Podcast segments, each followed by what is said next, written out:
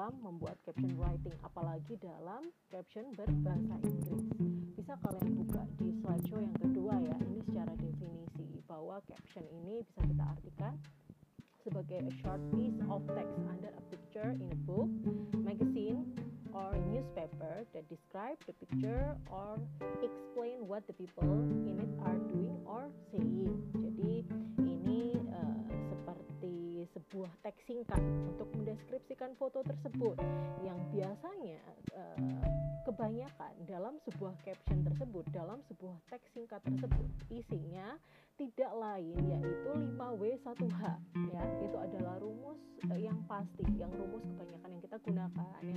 Jurnalis kebanyakan atau semua uh, praktisi komunikasi menggunakan uh, 5W rumus 5W1H dalam pembuatan caption tersebut. Mungkin ada yang dalam satu caption itu tidak harus uh, melingkupi semua 5W1H mungkin ada ada kalanya hanya kita perlu tuliskan who atau unsur siapa di dalamnya atau unsur what apa yang sedang terjadi dalam uh, sebuah foto tersebut. Deskripsi apa yang bisa kita berikan dalam memberikan informasi tambahan untuk menjelaskan foto tersebut apalagi sekarang namanya di era media sosial ini kan saya paham ya kalian juga pasti sudah pinter-pinter kalau yang namanya bikin caption di media sosial mau di uh, Twitter, di Instagram, mereka punya gaya yang berbeda-beda ya dalam menyajikan suatu gambar.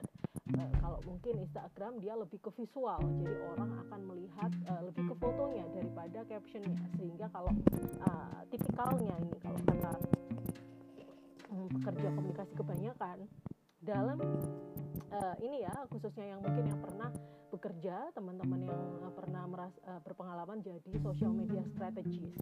Kalau kita membuat uh, caption dalam Instagram itu biasanya lebih baik tidak usah panjang-panjang karena orang-orang itu cenderung fokus pada fotonya. Akhirnya mungkin lebih bermain pada pembuatan posternya ya. Jadi uh, nas, uh, teksnya itu dalam foto jadi akhirnya lebih pada poster ya jadi jadi uh, ada ada sebuah keterangan dalam fotonya juga dan uh, dan dan tambahan informasi dalam caption itu cukup singkat saja yang kita berikan.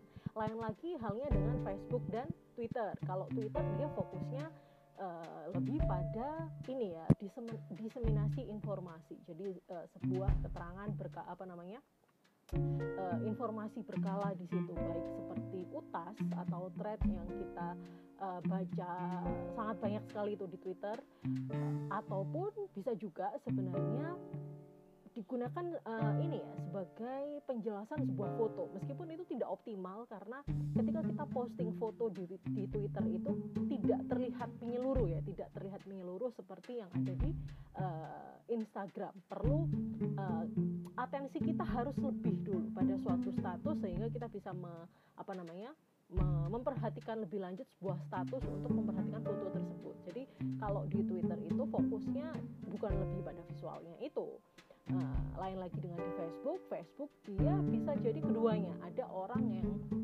uh, memasang Facebook atau mungkin uh, beberapa di antara kalian yang mengelola sebuah akun fanpage di Facebook, maka uh, Facebook itu sebenarnya lebih pada multiguna ya dalam penggunaan uh, promosi. Bisa kita gunakan uh, untuk lebih fokus pada visualnya, bisa kita gunakan untuk pada fokus pada lebih teksnya, itu sangat bervariasi.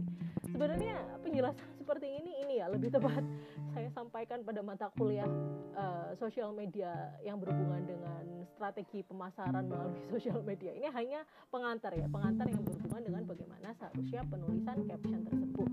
Oke, okay?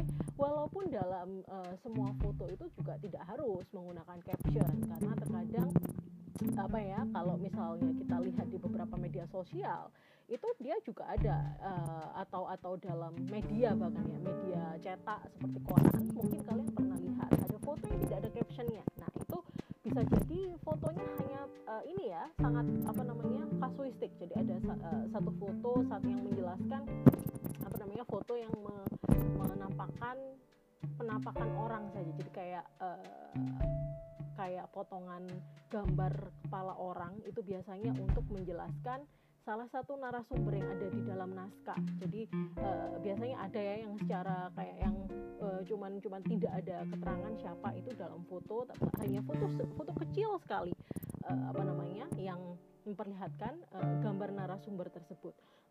Jadi ibaratnya ketika kita baca naskahnya itu juga punya pandangan, oh ternyata orang ini yang ngomong kayak gitu. Atau mungkin dalam kasus yang lain ada juga uh, liput apa namanya sebuah berita yang menampilkan kolase saja kolase foto. Sehingga uh, di situ banyak sekali foto yang ditampilkan menjadi satu menjadi kolase dan tidak perlu caption. Atau mungkin captionnya hanya satu captionnya hanya satu yang mewakili banyak sekali foto di situ. Nah itu juga bisa seperti itu. Jadi sangat kasuistik nggak bisa kita sama ratakan semua penulisan caption itu sama. Semua foto itu membutuhkan caption itu tidak bisa kita sama ratakan seperti itu. Harus kita perlakukan uh, sesuai dengan konteks beritanya sesuai dengan konteks fotonya seperti itu. Lebih lanjutnya sekarang kalian bisa buka di slide uh, ketiga. Di sini saya paparkan mengenai jenis-jenis caption yang bisa kalian uh, praktekkan nanti ya jadi uh, seperti yang tadi saya bilang bahwa dalam pembuatan caption itu tidak bisa di generalisir, tidak bisa disamarata. Ba untuk bagaimana menyiasatinya, e, lalu Bu, kalau misalnya e, foto yang seperti ini itu lebih baik membuat caption yang seperti apa? Nah, itu kita bisa kita siasati dengan mengetahui dulu jenis fotonya itu seperti apa sehingga dia akan lebih cocok untuk ditambahkan keterangan caption yang seperti apa. Oke? Okay? Jadi uh, untuk jenis caption di sini ada enam. Yang pertama adalah identification bar, ya. Identification bar ini adalah yang sangat basic, yang paling basic yaitu dia hanya menjelaskan keterangan siapa yang ada di dalam foto tersebut. Biasanya dalam identification bar ini uh, personil ya dalam sebuah foto yang uh, ada ada apa namanya beberapa apa namanya objek yang dalam foto berupa manusia ini dia tidak lebih dari tiga orang. Karena kalau sudah lebih dari tiga orang maka itu uh, jenisnya bisa lain lagi. Jadi identification bar ini untuk menjelaskan uh, uh, apa namanya sedikit sekali uh, objek yang terdapat dalam sebuah foto. Misalnya ini uh, kalian bisa lihat di contohnya ini ada uh, perdana menteri Kanada ya, Justin Trudeau ini bersama keluarganya yang menghabiskan uh, yang sedang uh, berada di Taj Mahal di sesuai di latar belakang fotonya bisa kalian lihat. Nah, ini bisa seharusnya ini ini bisa juga kita golongkan, kita klasifikasikan sebagai identification bar atau uh, group identification ya. Karena ini kalau uh, seharusnya sudah lebih dari tiga orang tapi nggak apa-apa. Ini ini se uh, sebenarnya juga masih bisa kita masukkan menjadi identification bar karena personilnya juga masih sangat uh, masih sedikit ya masih bisa dihitung accountable masih bisa dihitung dengan hitungan jari Nah, ini adalah jenis caption yang hanya membutuhkan penjelasan siapa yang berada di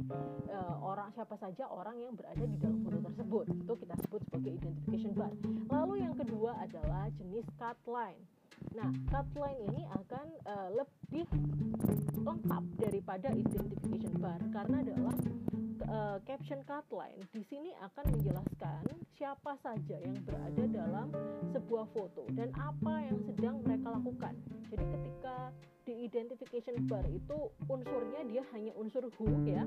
Kalau kita ambil dari 5W1H tapi dalam line ini dia punya dua unsur yaitu unsur who dan unsur what who is in the picture and what they are doing uh, siapa saja yang ada di dalam foto dan apa yang mereka lakukan.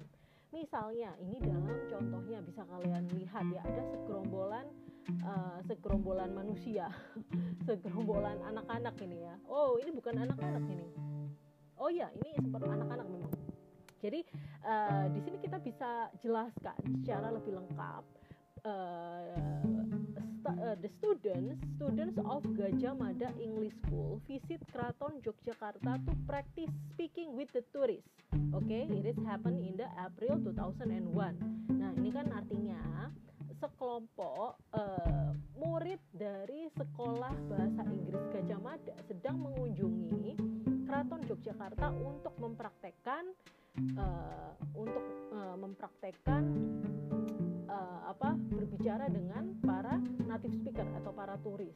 Itu itu jadi di sana tidak hanya menjelaskan siapa saja tapi apa yang sedang mereka lakukan. Ini adalah outline ya. Kita uh, tidak perlu terlalu panjang tapi uh, di situ juga paling tidak ada keterangannya. Apa sih yang dilakukan oleh sekelompok orang ini di dalam caption? Atau misalnya kalau di dalam captionnya ini hanya beberapa orang saja misalnya hanya ada dua ya nggak apa-apa. Kalian bisa sebutkan nama dari kedua orang tersebut. Jadi kedua orang tersebut itu siapa dan apa yang mereka lakukan di dalam caption tersebut ya itu adalah outline lalu yang ketiga adalah summary oke? Okay? nah seperti namanya kan summary summary itu uh, kalau diterjemahkan itu kan artinya ringkasan. Berarti dalam summary ini unsur yang ada itu lumayan kompleks alias lengkap. Ada 5 W di sini yang bisa kita paparkan dalam keterangan caption ini. Mulai dari what who where, when, dan why ya. Jadi uh, ada lima unsur dalam caption summary ini.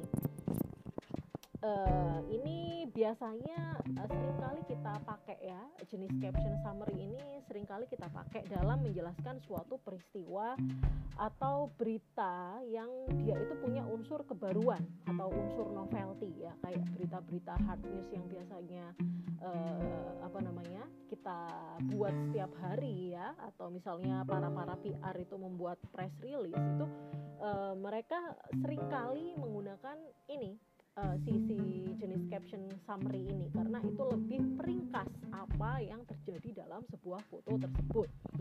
Seperti ini uh, di di contohnya ya bisa kalian lihat betapa lengkapnya sebuah informasi yang dijelaskan dalam caption ini.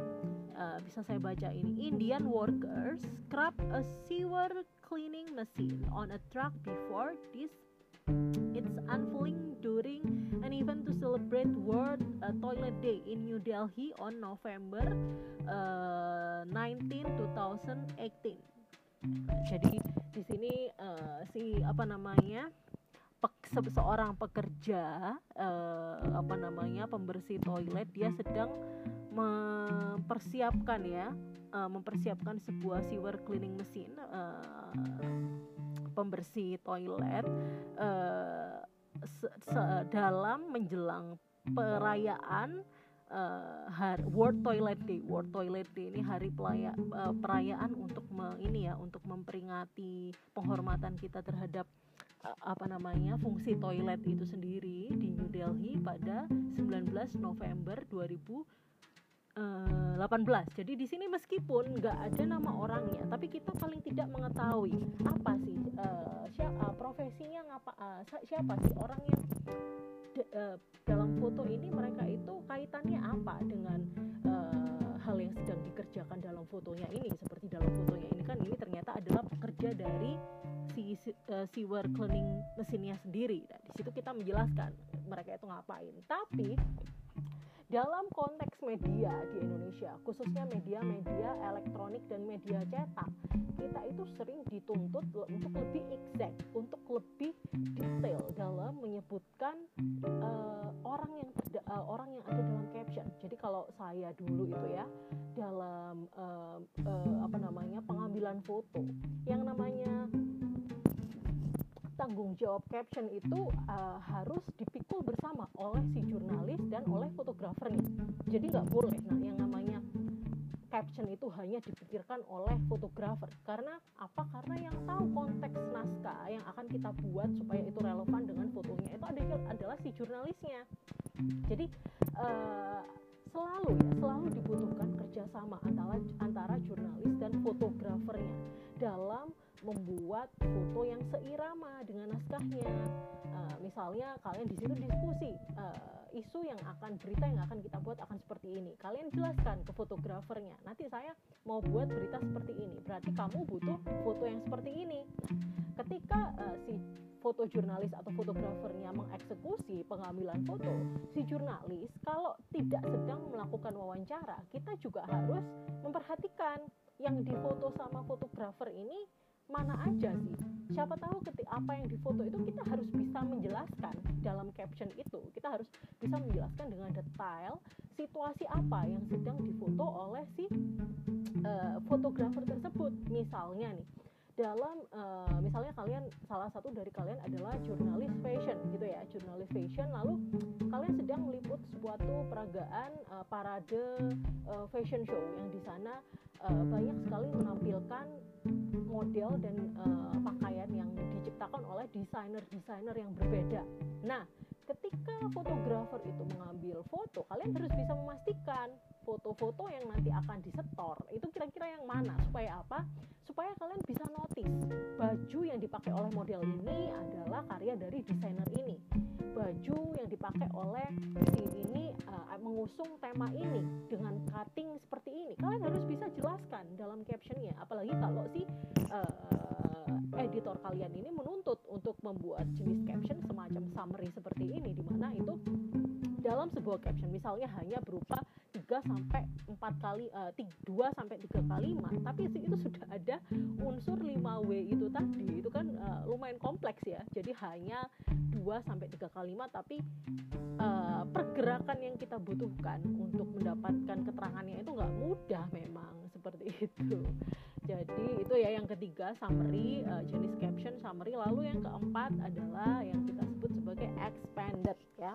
Expanded ini seperti namanya. Expanded ini kalau diterjemahkan jadi bahasa Indonesia ini artinya adalah diperluas.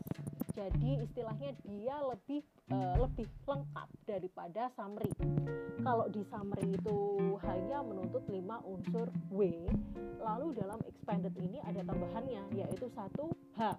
Jadi 5W 1H kadang-kadang pun ini masih disertai oleh kutipan dari narasumber yang sudah kita wawancarai seperti itu. Memang uh, agak jarang ya media-media yang menggunakan uh, caption expanded ini. Biasanya ini hanya digunakan di media-media yang berorientasi pada kedalaman seperti majalah, seperti majalah-majalah Tempo, majalah uh, Reader's Digest gitu-gitu ya, uh, atau majalah perempuan top apa Femina, MTV Tracks, atau majalah Hai dulu kalau ada majalah untuk uh, kaum laki-laki itu.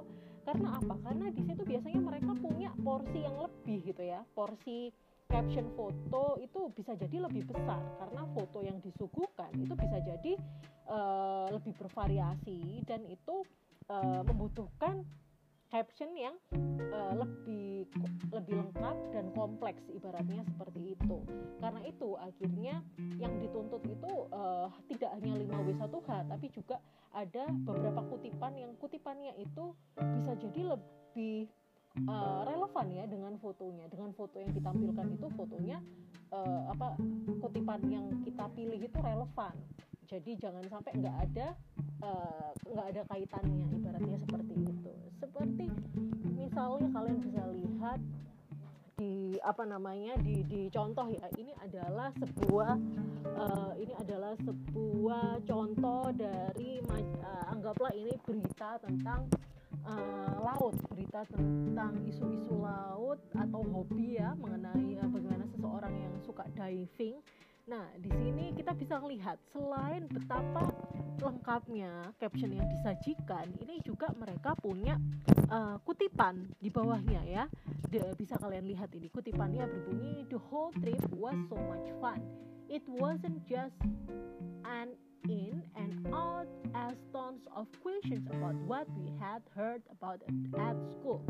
said sophomore Julie Chan. Oke, okay. jadi dari uh, kutipan ini bisa saya simpulkan ini ternyata berita mengenai pengalaman seorang uh, siswa, seorang murid ketika mereka melakukan uh, diving ya, entah ini adalah sekolah diving atau kursus diving karena bisa di, uh, di, said sophomore Julie Chan. Ya, jadi sophomore ini kalau di luar negeri di negara-negara berbahasa Inggris ini adalah sebutan untuk uh, siswa tingkat uh, tahun kedua tahun kedua ini bisa jadi kayak misalnya kalau anak kelas SMA itu anak kelas 11 atau misalnya kalau dalam konteks kampus itu dia adalah anak-anak semester 4 nah itu adalah tahun-tahun sophomore mereka menyebutnya seperti itu. Jadi ini dia uh, menceritakan ya the whole trip uh, the keseluruhan perjalanan ini sangat menyenangkan. Jadi tidak hanya uh, apa namanya uh, sebuah tour yang ter gesa-gesa. Tapi ini juga kita apa namanya uh, uh, stay atau kita benar-benar uh, stay. Kalian tahu kan ya apa namanya uh, tinggal kita tinggal dalam uh, uh, dalam sebuah dalam sebuah kegiatan uh, selama sehari penuh. Dan kita di, men, uh, di, uh, saling menanyakan banyak sekali pertanyaan tentang apa yang kita lakukan selama sekolah. Jadi di sini adalah sebuah perjalanan sekolah ya, perjalanan sekolah dan salah satu tempat yang dikunjungi adalah tempat diving seperti itu. Jadi itu ya untuk caption expand. Bagaimana kita bisa menampilkan keseluruhan 5W 1H ditambah kutipan dalam sebuah caption tersebut. Lalu yang kelima ya, kalian bisa lihat ini slide ketujuh uh, gimana jenis caption kelima adalah group identification. Ini hampir sama seperti identification bar yang tadi pertama itu. Cuman bedanya ya kalau group identification ini uh, dia orang-orangnya ini lebih banyak daripada si identification bar. Jadi ini sebuah grup ibaratnya seperti itu ya.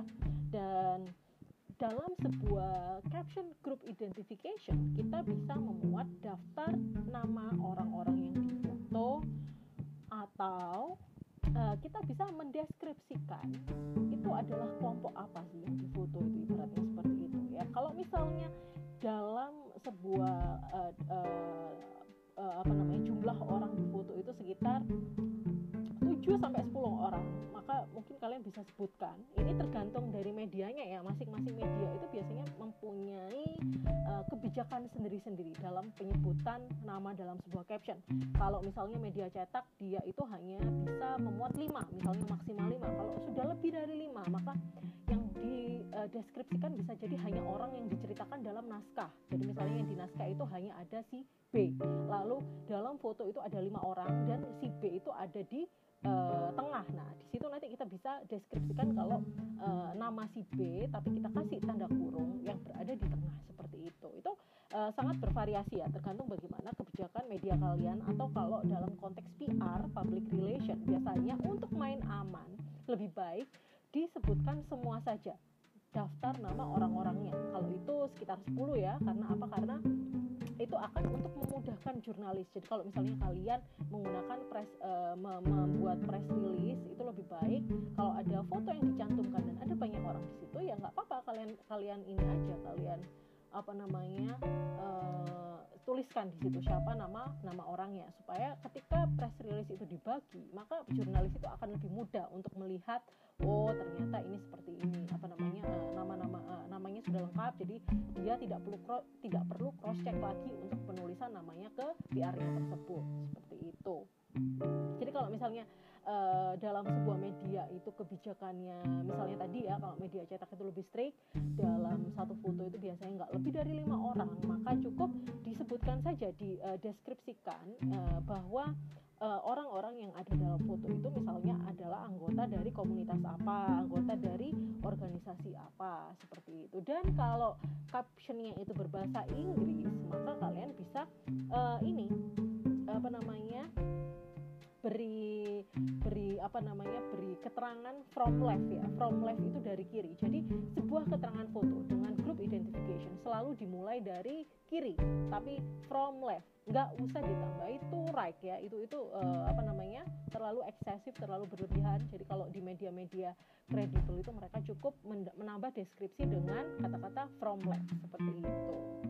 Oke lalu yang keenam. Nah yang keenam ini quote ya. Ini lebih apa lebih lebih lebih general. Jadi kalau quote ini bisa uh, diberikan pada se, uh, su, suatu gambar yang biasanya itu merupakan foto ilustrasi. Jadi biasanya kita bisa kasih quote bikinan sendiri atau kita uh, ambil kita comot gitu ya comot quote dari orang lain dari tokoh gitu tapi kita sematkan nama yang punya quote aslinya itu siapa seperti itu.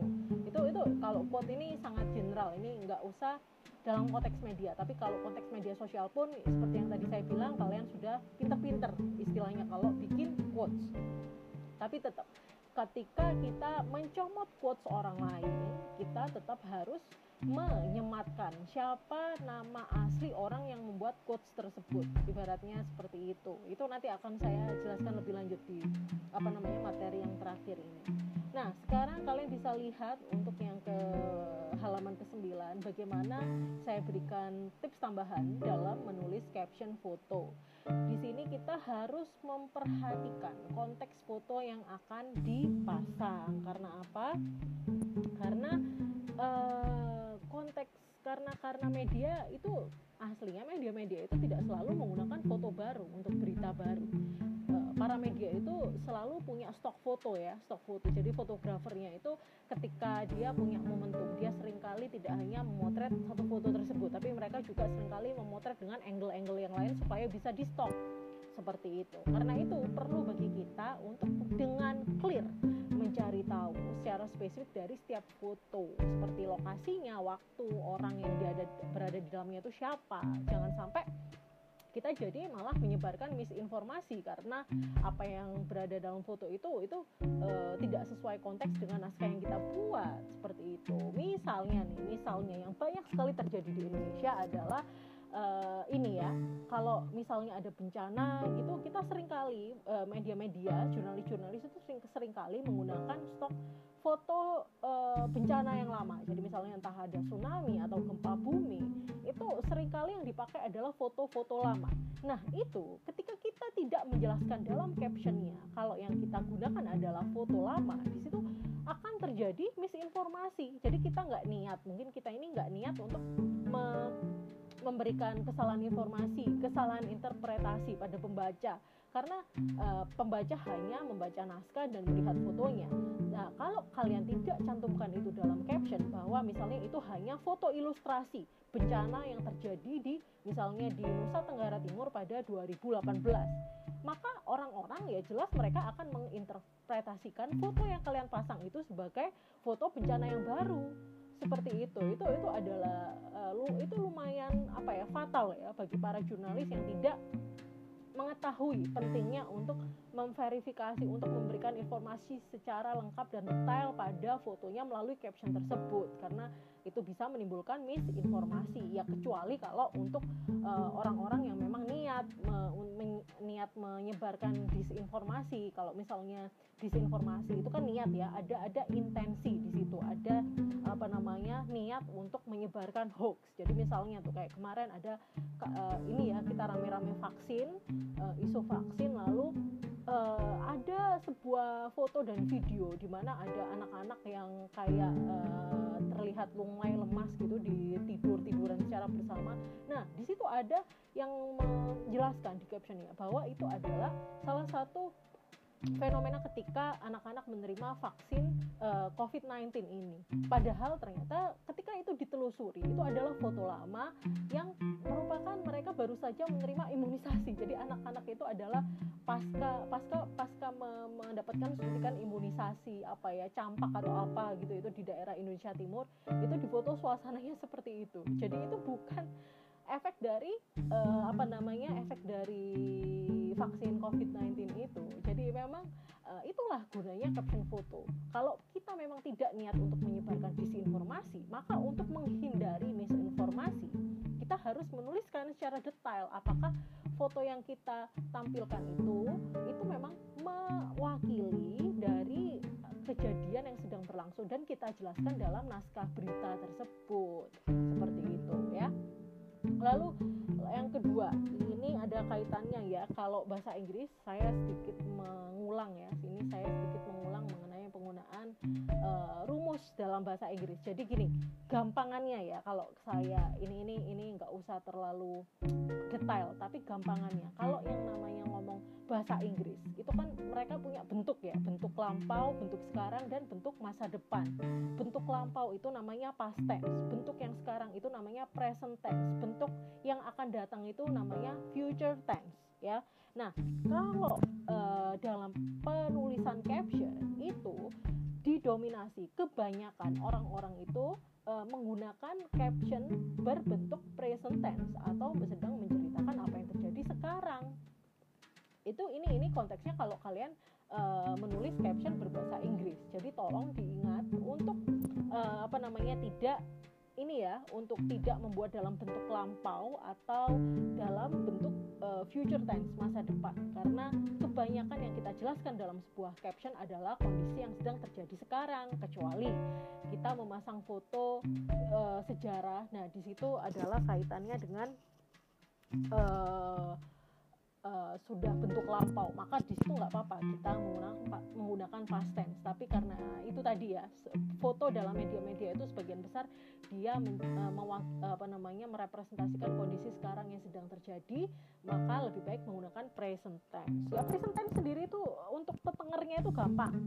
Biasanya kalau uh, present tense terjadi sekarang verbnya kata kerjanya itu mereka menggunakan bentuk asli atau bentuk ing atau bentuk s ya misalnya di di caption ini kalian bisa lihat di contohnya jadi saya kasih contoh seorang bapak-bapak yang sedang uh, baru saja menangkap ikan gitu ya habis memancing. Nah captionnya ini ini berbentuk present tense. Bagaimana kita mengetahui kalau ini present tense? Yaitu dari kata kerjanya.